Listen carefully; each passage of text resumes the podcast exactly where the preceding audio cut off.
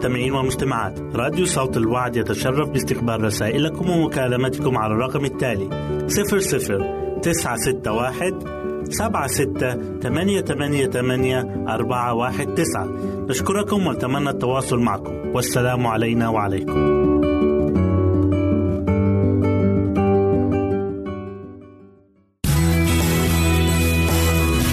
يمكنك استماع وتحميل برامجنا من موقعنا على الإنترنت. www.awr.org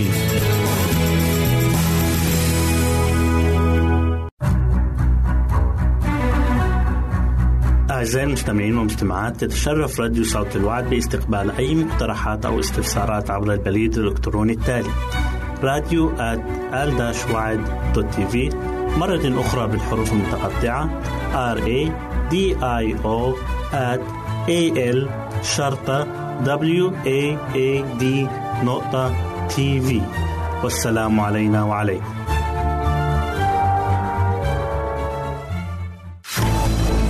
أعزائي المستمعين والمستمعات راديو صوت الوعد لا يكتفي بخدمتكم عبر الموجات الصوتية فقط بل وإنه يطرح لكم موقعا إلكترونيا يمكنكم من خلاله مشاهدة أجمل البرامج الدينية الثقافية الاجتماعية وغيرها من المواضيع الشيقة. يمكنكم زيارة الموقع من خلال عنوان التالي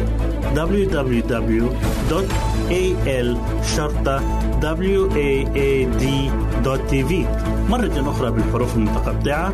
Www.al-waad.tv والسلام علينا وعليكم.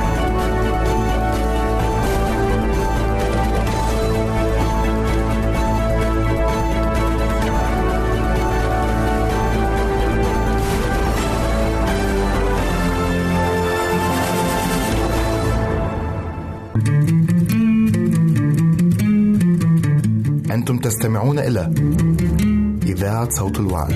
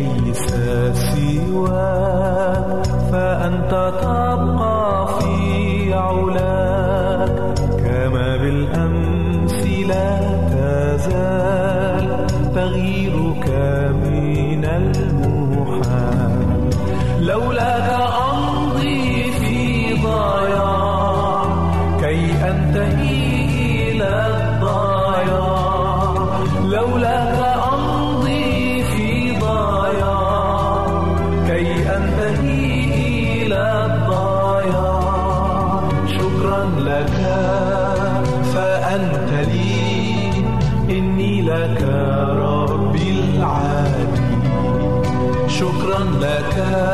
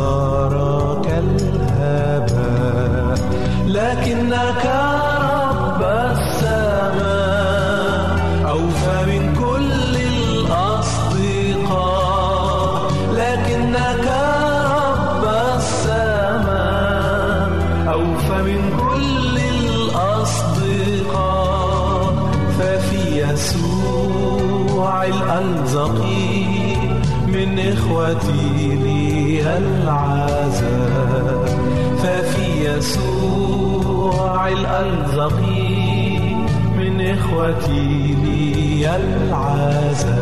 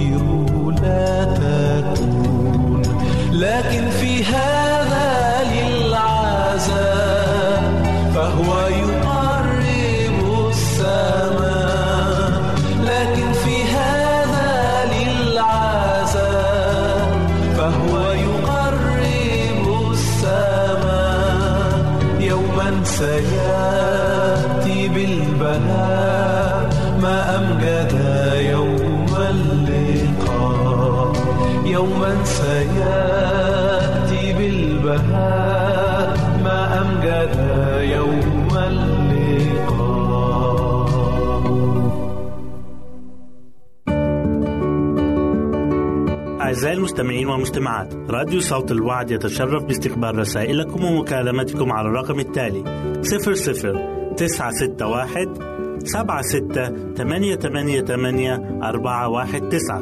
نشكركم ونتمنى التواصل معكم. والسلام علينا وعليكم.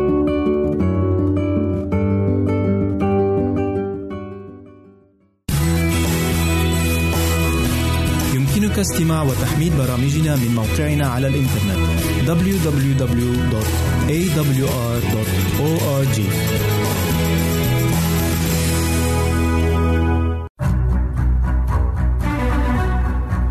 أعزائي المستمعين والمستمعات يتشرف راديو صوت الوعد باستقبال أي مقترحات أو استفسارات عبر البريد الإلكتروني التالي راديو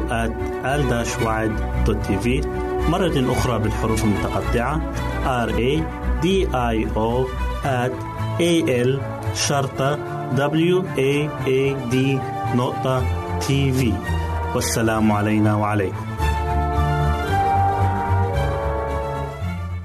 أهلا وسهلا بكم مستمعين الكرام في كل مكان. يسعدني أن أقدم لكم برنامج أطفالنا زينة حياتنا.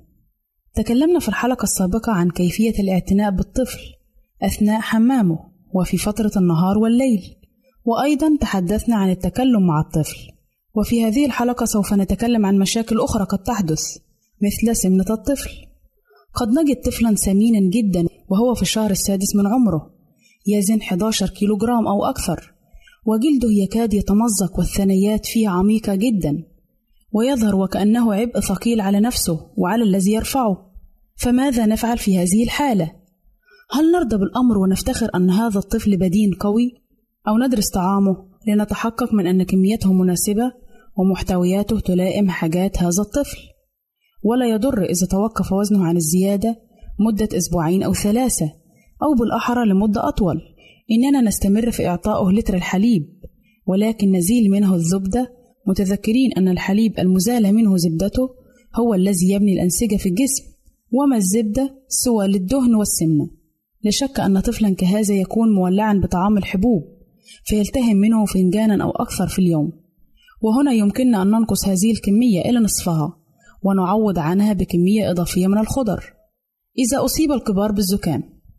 إذا كان برنامج الطفل وطعامه منظمين بحيث ينميان جسمه ويمنحانه قوة المقاومة فلا يتعرض إلا نادرا لهذه الحالات الخطرة من الكبار المهملين غير الحريصين. يجب أن يكون معلوما أنه إذا كان أحد مصابا بالزكام أي الرشح فليبقى بعيدا عن الطفل. إذا كان أحد الأولاد الآخرون مصابين بالزكام عليهم أن يبقوا بعيدين أيضا. إذا كان الأب مصابا بالزكام وجب عليه أن يحرم من لذة الاقتراب من طفله. وأما إذا كانت الأم مصابة بالزكام فهناك المشكلة. ففي هذه الحالة لابد من انتقال العدوى إلى الطفل إلا إذا كانت الأم حريصة جدا جدا. فلا تمسكه قبل أن تغسل يديها جيدا. وتنتبه فلا تتنفس في وجهه. وأن تتخذ كل حيطة لكي لا تنقل جراثيم الزكام إلى طفلها. وإذا كان بالإمكان تكليف غيرها الاهتمام به في تلك المدة فذلك أفضل وأسلم. هل الزكام فقط؟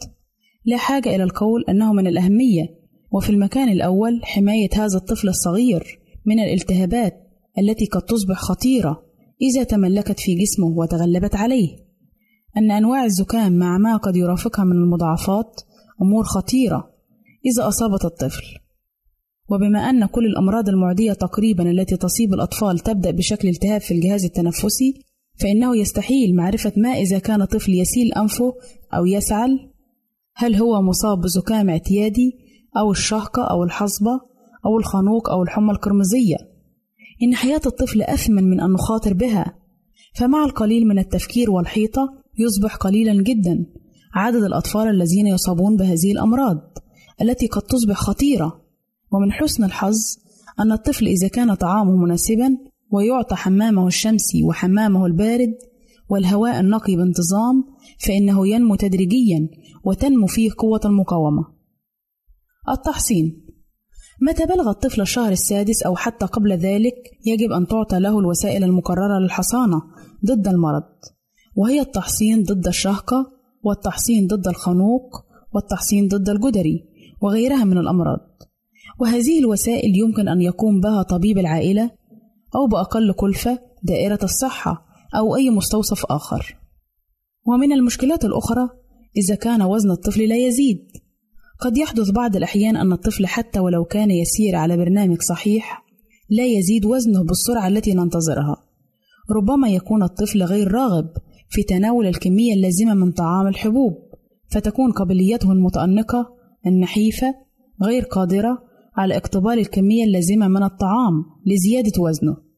ففي هذه الحالة يضاف إلى ما يتناوله من طعام الحبوب قليل من العسل بعد كل وجبة بحيث يتناول ملعقة صغيرة أو ملعقتين عسل في اليوم فتزداد كميات الحراريات أو الكالوري في طعامه دون زيادة في حجمه وكميته.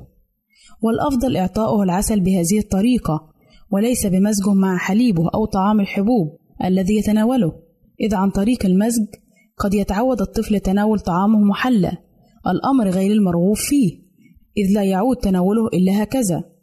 وإذا أصبح البراز رخو نتيجة لذلك أي براز الطفل أكثر من ثلاث مرات في اليوم فيجب حينئذ التوقف عن إعطاء العسل. ظهور الأسنان.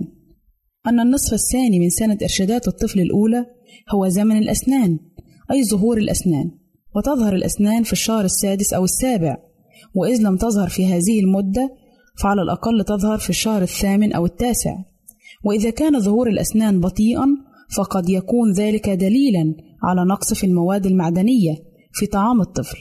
وعند ذلك يجب فحص الطعام جيدا للتأكد من احتوائه على الكمية الكافية من الخضر والحليب.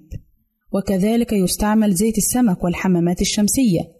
ومن أفضل الوسائل وأقواها لتشجيع ظهور الأسنان في الوقت المناسب وإنماء الطفل إنماء كاملا هو تطبيق برنامج صحي عليه يكفل تقويته وتخشينه. إلى هنا نأتي أعزائي لنهاية برنامجنا أطفالنا زينة حياتنا وإلى لقاء آخر على أمل أن نلتقي بكم. تقبلوا مني ومن أسرة البرنامج أرق وأطيب تحية. وسلام الله معكم.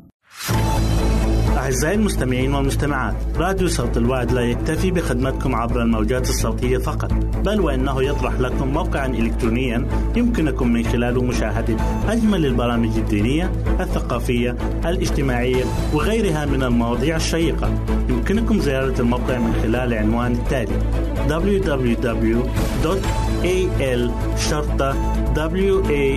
www.al-waad.tv مرة أخرى بالحروف المتقطعة www.al-waad.tv والسلام علينا وعليكم.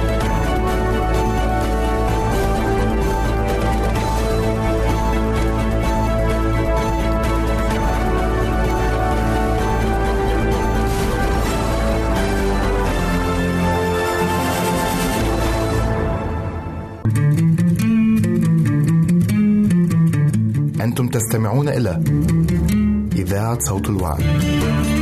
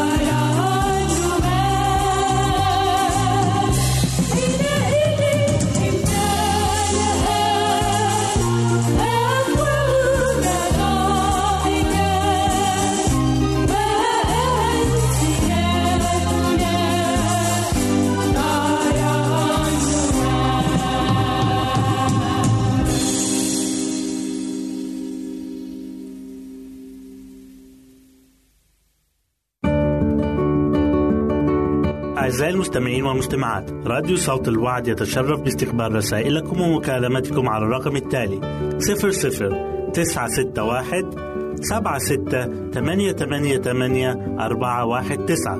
نشكركم ونتمنى التواصل معكم. والسلام علينا وعليكم.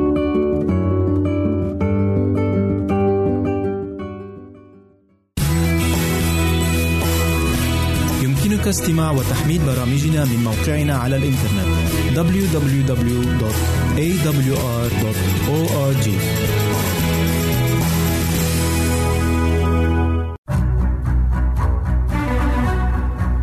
أعزائي المستمعين والمستمعات تتشرف راديو صوت الوعد باستقبال أي مقترحات أو استفسارات عبر البريد الإلكتروني التالي راديو في مرة أخرى بالحروف المتقطعة R A D I O at A L شرطة W A A D نقطة تي في والسلام علينا وعليكم.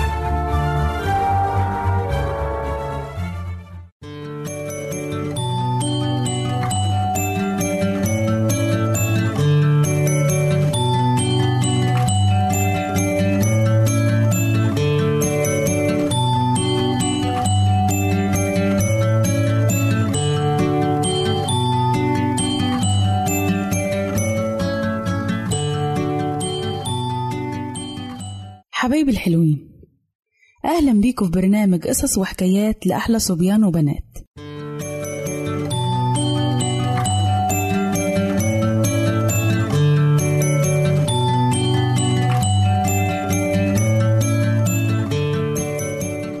قصتنا النهاردة قصة جميلة جدا بعنوان العصفور الشفوق. ودي قصة من أجمل القصص عن الطيور والعصافير اللي ممكن الإنسان يسمعها ويستمتع بيها جدا. بتحكي القصة عن عصفور من نوع يعرف بالسلونج. والعصفور ده عاش في قرية صغيرة على شاطئ البحر. كان بيسكن القرية دي ناس متوسطين الحال يعني لا هم أغنياء قوي ولا هم فقراء قوي. وكانت بيوتهم من الطراز القديم اللي بتتناسب مع حالتهم المادية. وفي يوم من الأيام كان في بنت من بنات القرية نايمة في السرير بتاعها وبتبص من الشباك. وحصل في اليوم ده إنه كان يوم من أيام الشتاء العاصف فكان المطر بينزل بغزارة شديدة جدا والرياح كانت شديدة وقوية جدا على شاطئ البحر. وكان هناك عصفور جعان تعبان جدا الرياح كانت عمالة تخبط فيه شمال ويمين. والعصفور ده من التعب دخل الغرفة بتاع البنت ديت. البنت دي كانت مريضة ونايمة في سريرها كان اسمها أنصاف.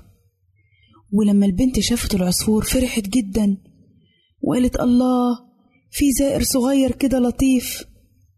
وراحت جابت بعض الحبوب وقدمتها للعصفور. واعتنت بالعصفور ده طول النهار والليل لغاية ما العصفور هدي والمطرة بطلت تنزل. وبعد كده سابت العصفور يخرج من الشباك بسلام. لكن أكتر حاجة دهشت البنت أنصاف ديت وخلتها فرحانة جدا إن في اليوم التاني بصت لقيت العصفور ده جاي وبيدخل الغرفة عليها مرة تانية وبينقر في بعض الأكل كده وبعد كده يطير تاني. وبدأ العصفور ده يتردد على البيت كل يوم. وكانت أنصاف مبسوطة جدا. كانت تحط له الأكل في طبق قريب من الشباك وهو يدخل ياكل ويخرج. وفي يوم من الأيام انقطع العصفور ده عن زيارة أنصاف. فقالت أنصاف في نفسها ياه! يمكن يكون حد من الصيادين اصطاد العصفور الجميل ده. أنا اتعودت إن أنا أشوفه كل يوم لكن ما كملش أسبوع وبصت لقيت العصفور ده راجع لكن بصت فيه لقيت صدره مجروح. فزعلت أنصاف علشانه قوي واعتنت بيه جدا لغاية ما الجرح بتاع العصفور ده اتشفى تماما. وكان بيقف على حافة الصحن ياكل الأكل منه ويبص على البنت دي ويغرد ليها. وأصبحوا هما الاتنين أنصاف والعصفور أصدقاء قريبين أوي من بعض. ومرة دخلت عمة أنصاف الأوضة بتاعتها وكانت البنت نايمة. فلقيت شريط أحمر جميل محطوط على شعر أنصاف. فتعجبت قوي وقالت الشريط الأحمر ده جه منين؟ ولما صحيت أنصاف من النوم قالت لعمتها أنا معرفش مين جاب الشريط ده وحطه على شعري. وبعد كده في اليوم التاني شافت عمة أنصاف قطعة من الحرير الشفاف الجميل على خد البنت. فتعجبت كتير قوي وسألت أنصاف هو إيه ده؟ إيه اللي بيحصل ده؟ وفي أثناء ما هما الاتنين بيتكلموا دخل العصفور من الشباك وكان حاطط في بقه شريطة زرقاء. وقرب من السرير اللي كانت نايمة عليه أنصاف وراح رمى الشريط الأزرق على المخدة وطار. واستمر العصفور الصغير الشفوق ده يجيب الهدايا الصغيرة للبنت. بنشوف في القصة دي يا ولاد إن العصفور الصغير منسيش اللي عملته معاه أنصاف واعترف بالجميل واعترف باللي هي عملته معاه وكان عايز يعبر بطريقته البسيطة عن شكره الأنصاف والمساعدة اللي هي قدمتها له. من القصة دي يا ولاد نتعلم درس مهم جدا في حياتنا إن لما حد يقدم لنا خدمة أو لما حد يعمل معانا معروف ما ننساش نقدم له الشكر ما ننساش نعبر عن شكرنا ليه. ونقول له شكرا. وكمان ما ننساش إن خالقنا وفدينا وإلهنا قدم لنا خيرات وبركات كتير. قدم لنا فداء وكل يوم بعد التاني بيدينا بركات وبيدينا صحة وبيدينا جو جميل نعيش فيه ونستمتع بيه. يا ريت ما ننساش نشكر ربنا ونشكر أي حد تاني بيقدم لنا أي خدمة أو يعمل معانا أي معروف. وبكده نكون وصلنا لنهاية قصتنا. واستنونا في قصة جديدة من برنامج قصص وحكايات لأحلى صبيان وبنات. ربنا معاكم.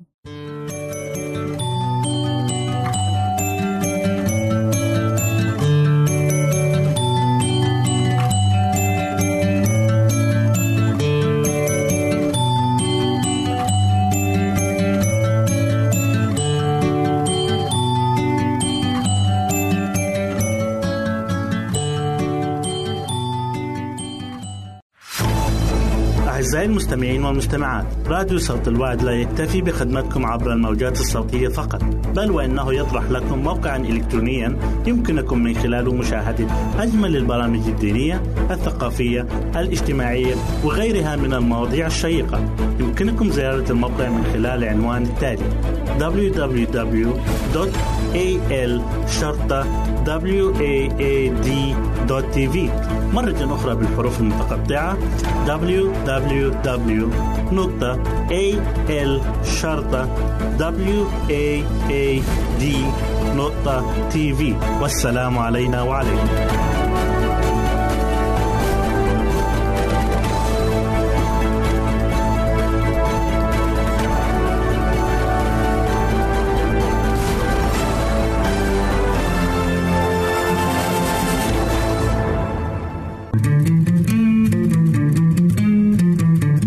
أنتم تستمعون إلى إذاعة صوت الوعد.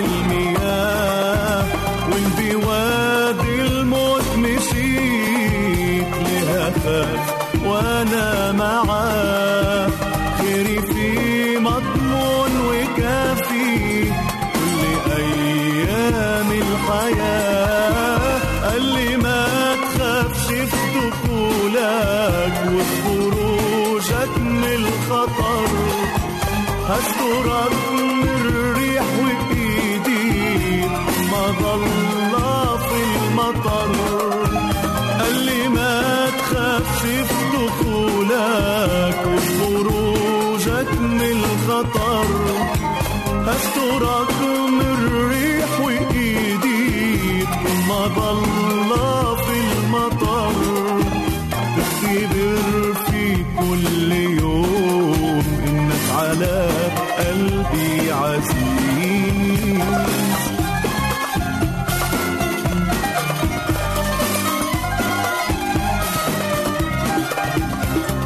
برج حصين وآمن اللي يلجأ لحماه واللي من قلبه يآمن يلقى في الرب النجاة.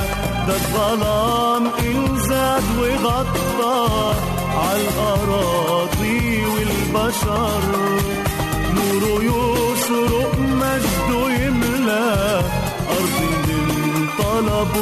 وصبر قال لي ما تخافش في دخولك وخروجك من الخطر. هسترك من الريح وإيدي ضل في المطر. قال لي ما تخافش في دخولك وخروجك من الخطر. هسترك ضل في المطر تختبر في كل يوم. إنك على قلبي عزيز.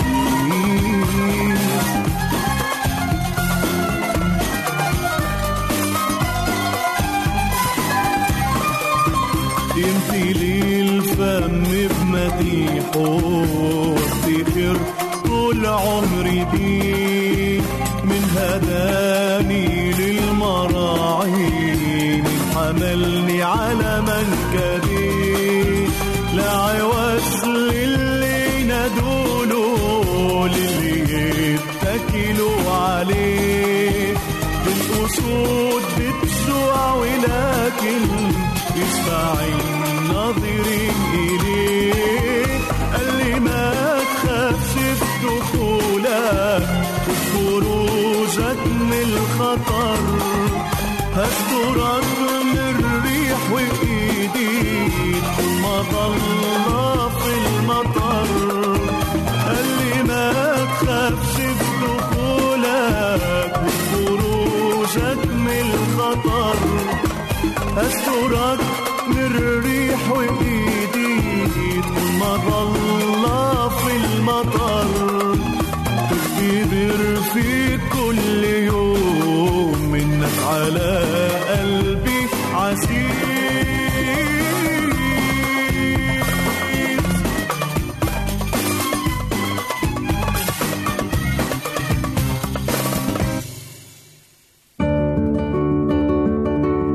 أعزائي المستمعين والمستمعات. راديو صوت الوعد يتشرف باستقبال رسائلكم ومكالمتكم على الرقم التالي 00 961 سبعة ستة ثمانية ثمانية ثمانية أربعة واحد تسعة.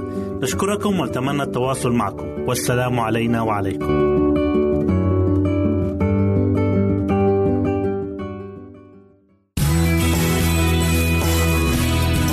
استماع وتحميل برامجنا من موقعنا على الإنترنت www.awr.org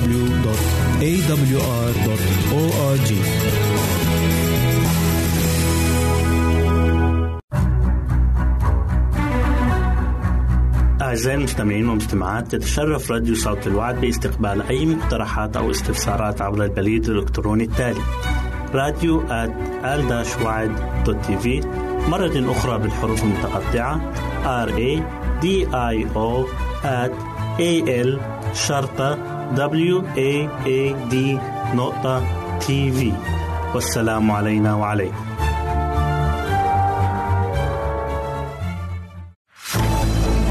أعزائي المستمعين والمستمعات راديو صوت الوعد لا يكتفي بخدمتكم عبر الموجات الصوتية فقط بل وإنه يطرح لكم موقعا إلكترونيا يمكنكم من خلاله مشاهدة أجمل البرامج الدينية الثقافية الاجتماعية وغيرها من المواضيع الشيقة. يمكنكم زيارة الموقع من خلال العنوان التالي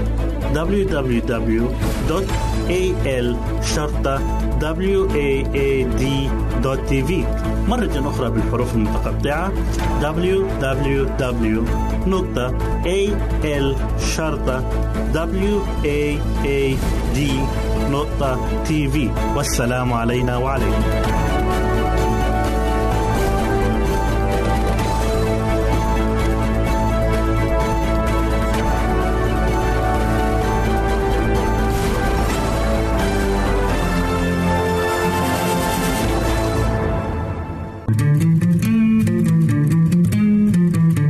أنتم تستمعون إلى إذاعة صوت الوعد.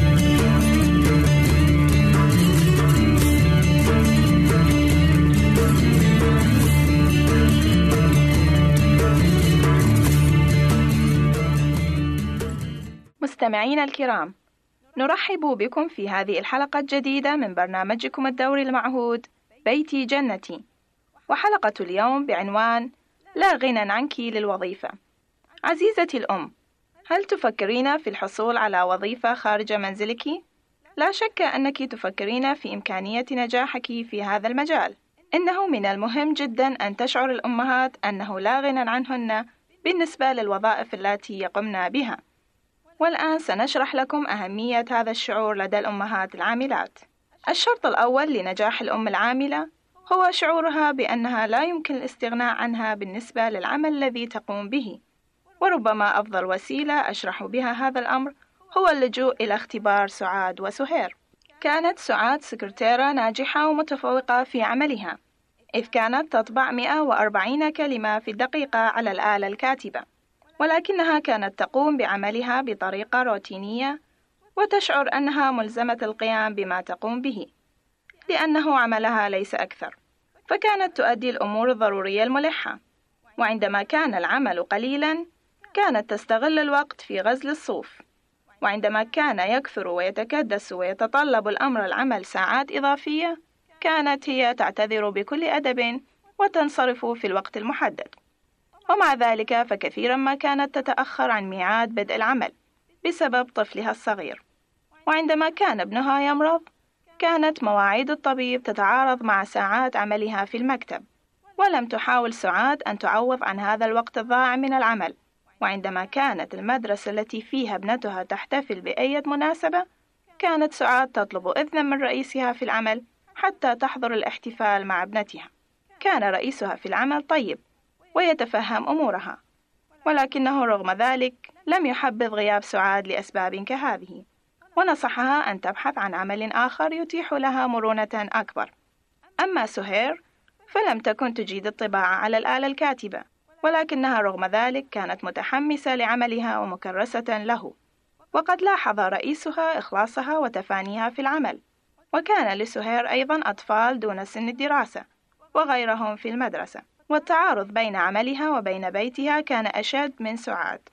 ولكن فيما يختص بعملها كانت لا تضيع ولا دقيقة هباء. وعلى استعداد دائم أن تذهب الميل الثاني. وعندما كان العمل يزدحم ويتكدس كانت هي تأتي باكرا قبل الوقت المحدد وتنصرف متأخرة بعد الساعات المحددة للعمل. وقد أتى تكريسها هذا للعمل ثماره. إذ أحبها الجميع وشعروا بالحاجة الملحة لها. إذ اعتبروا أنه لا غنى عنها إطلاقا في وظيفتها. وسرعان ما تم تثبيت سهير في عملها بصفة دائمة. ومع ذلك لن تتردد سهير في طلب بعض المنافع الشخصية.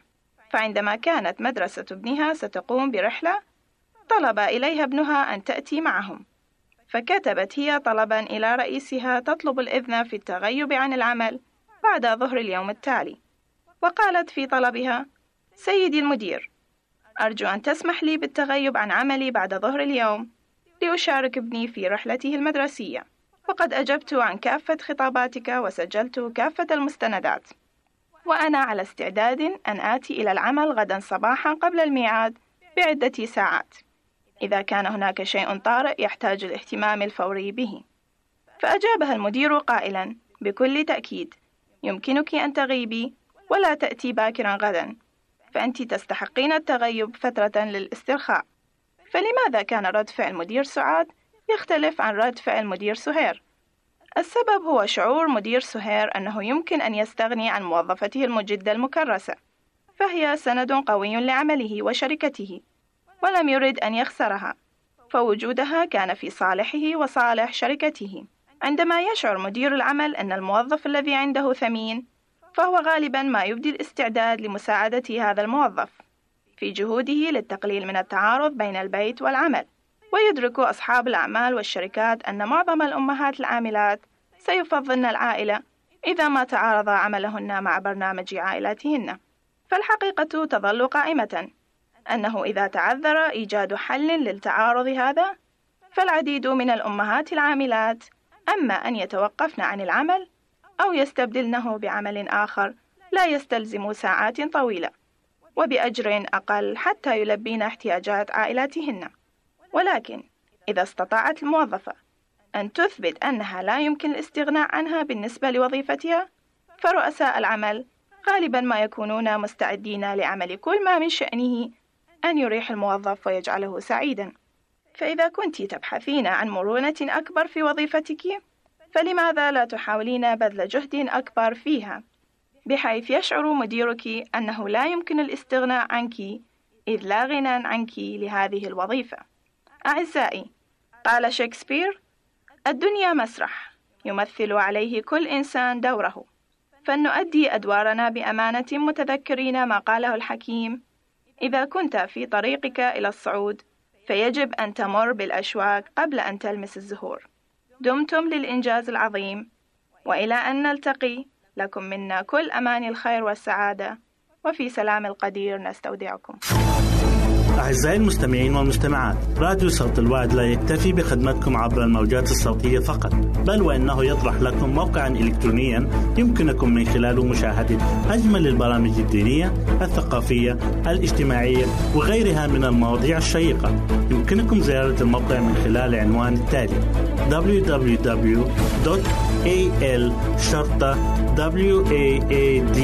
www.al-waad.tv مرة أخرى بالحروف المتقطعة.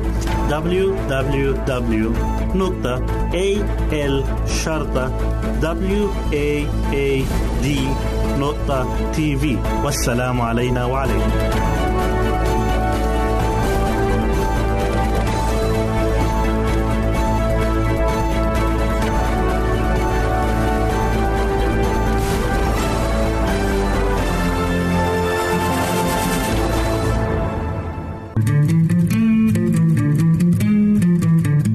أنتم تستمعون إلى إذاعة صوت الوعي.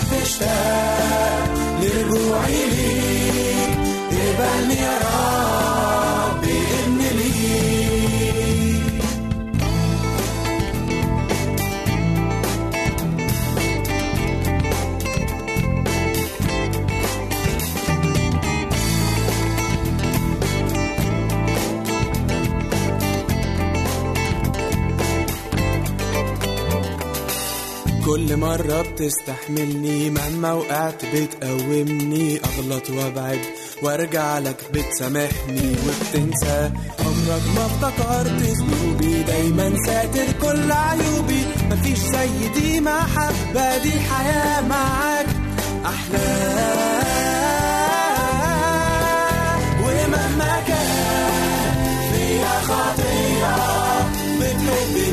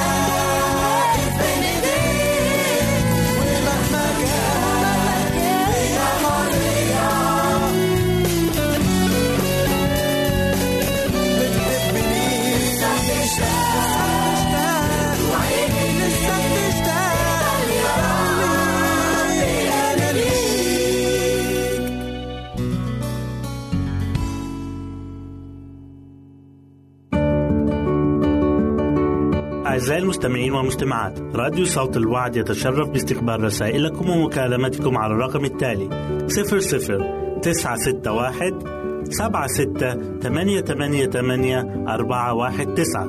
نشكركم ونتمنى التواصل معكم. والسلام علينا وعليكم.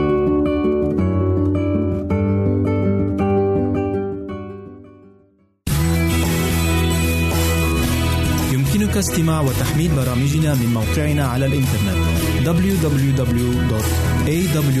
www.awr.org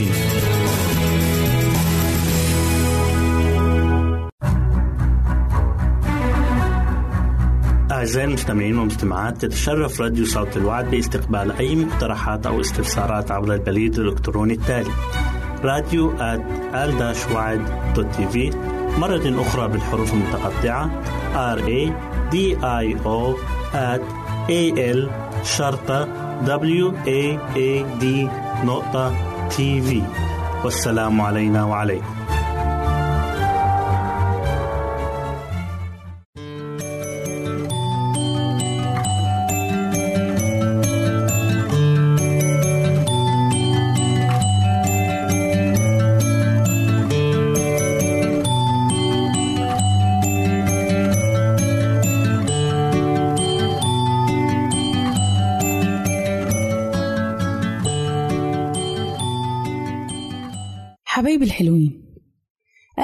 بيكم في برنامج قصص وحكايات لأحلى صبيان وبنات.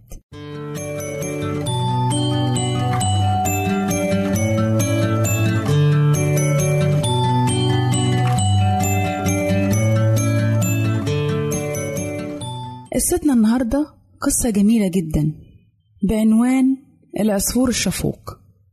ودي قصة من أجمل القصص عن الطيور والعصافير اللي ممكن الإنسان يسمعها ويستمتع بيها جدا.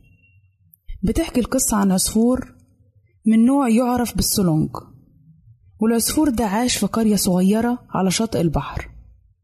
كان بيسكن القرية دي ناس متوسطين الحال يعني لا هم أغنياء قوي ولا هم فقراء قوي. وكانت بيوتهم من الطراز القديم اللي بتتناسب مع حالتهم المادية. وفي يوم من الأيام كان في بنت من بنات القرية نايمة في السرير بتاعها وبتبص من الشباك.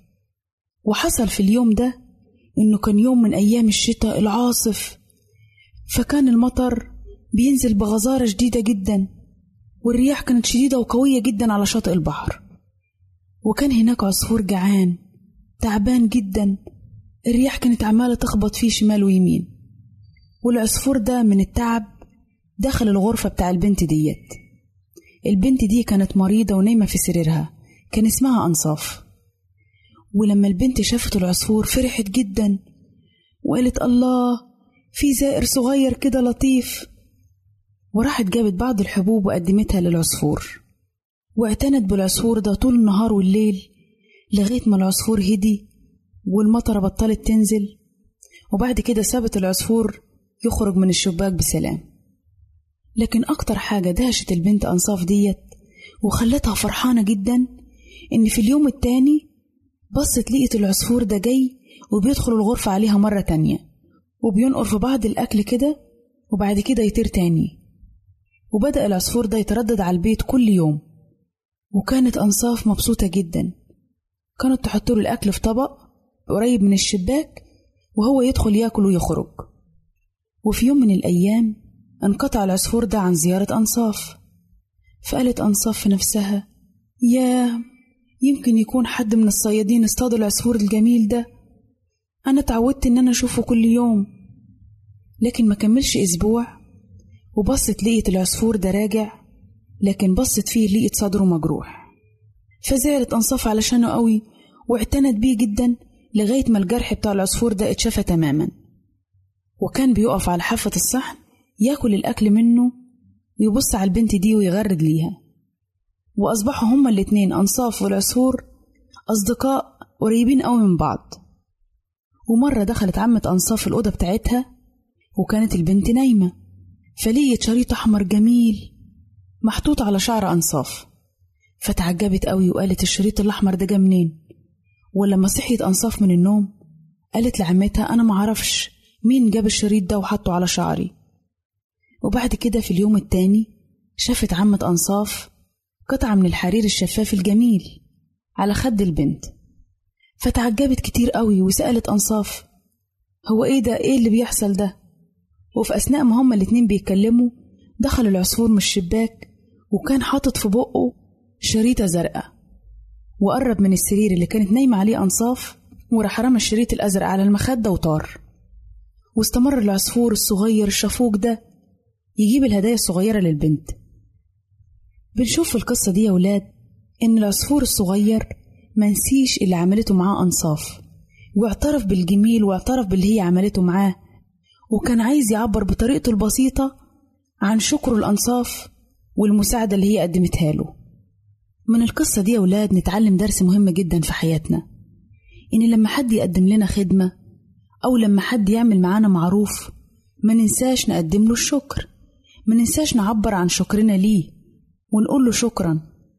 وكمان ما ننساش إن خالقنا وفدينا وإلهنا قدم لنا خيرات وبركات كتير قدم لنا فداء وكل يوم بعد التاني بيدينا بركات وبيدينا صحة وبيدينا جو جميل نعيش فيه ونستمتع بيه. يا ريت ما ننساش نشكر ربنا ونشكر أي حد تاني بيقدم لنا أي خدمة أو يعمل معانا أي معروف. وبكده نكون وصلنا لنهاية قصتنا. واستنونا في قصة جديدة من برنامج قصص وحكايات لأحلى صبيان وبنات. ربنا معاكم.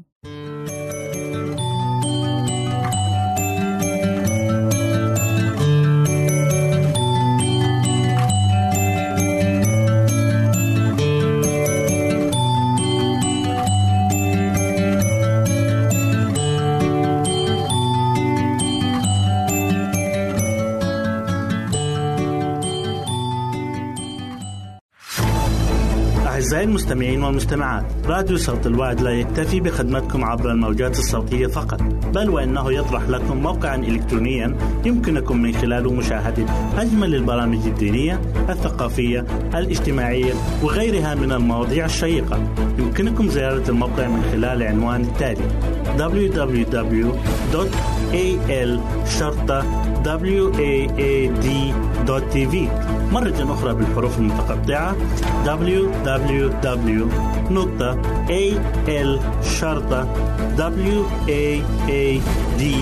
www.al-waad.tv والسلام علينا وعليكم.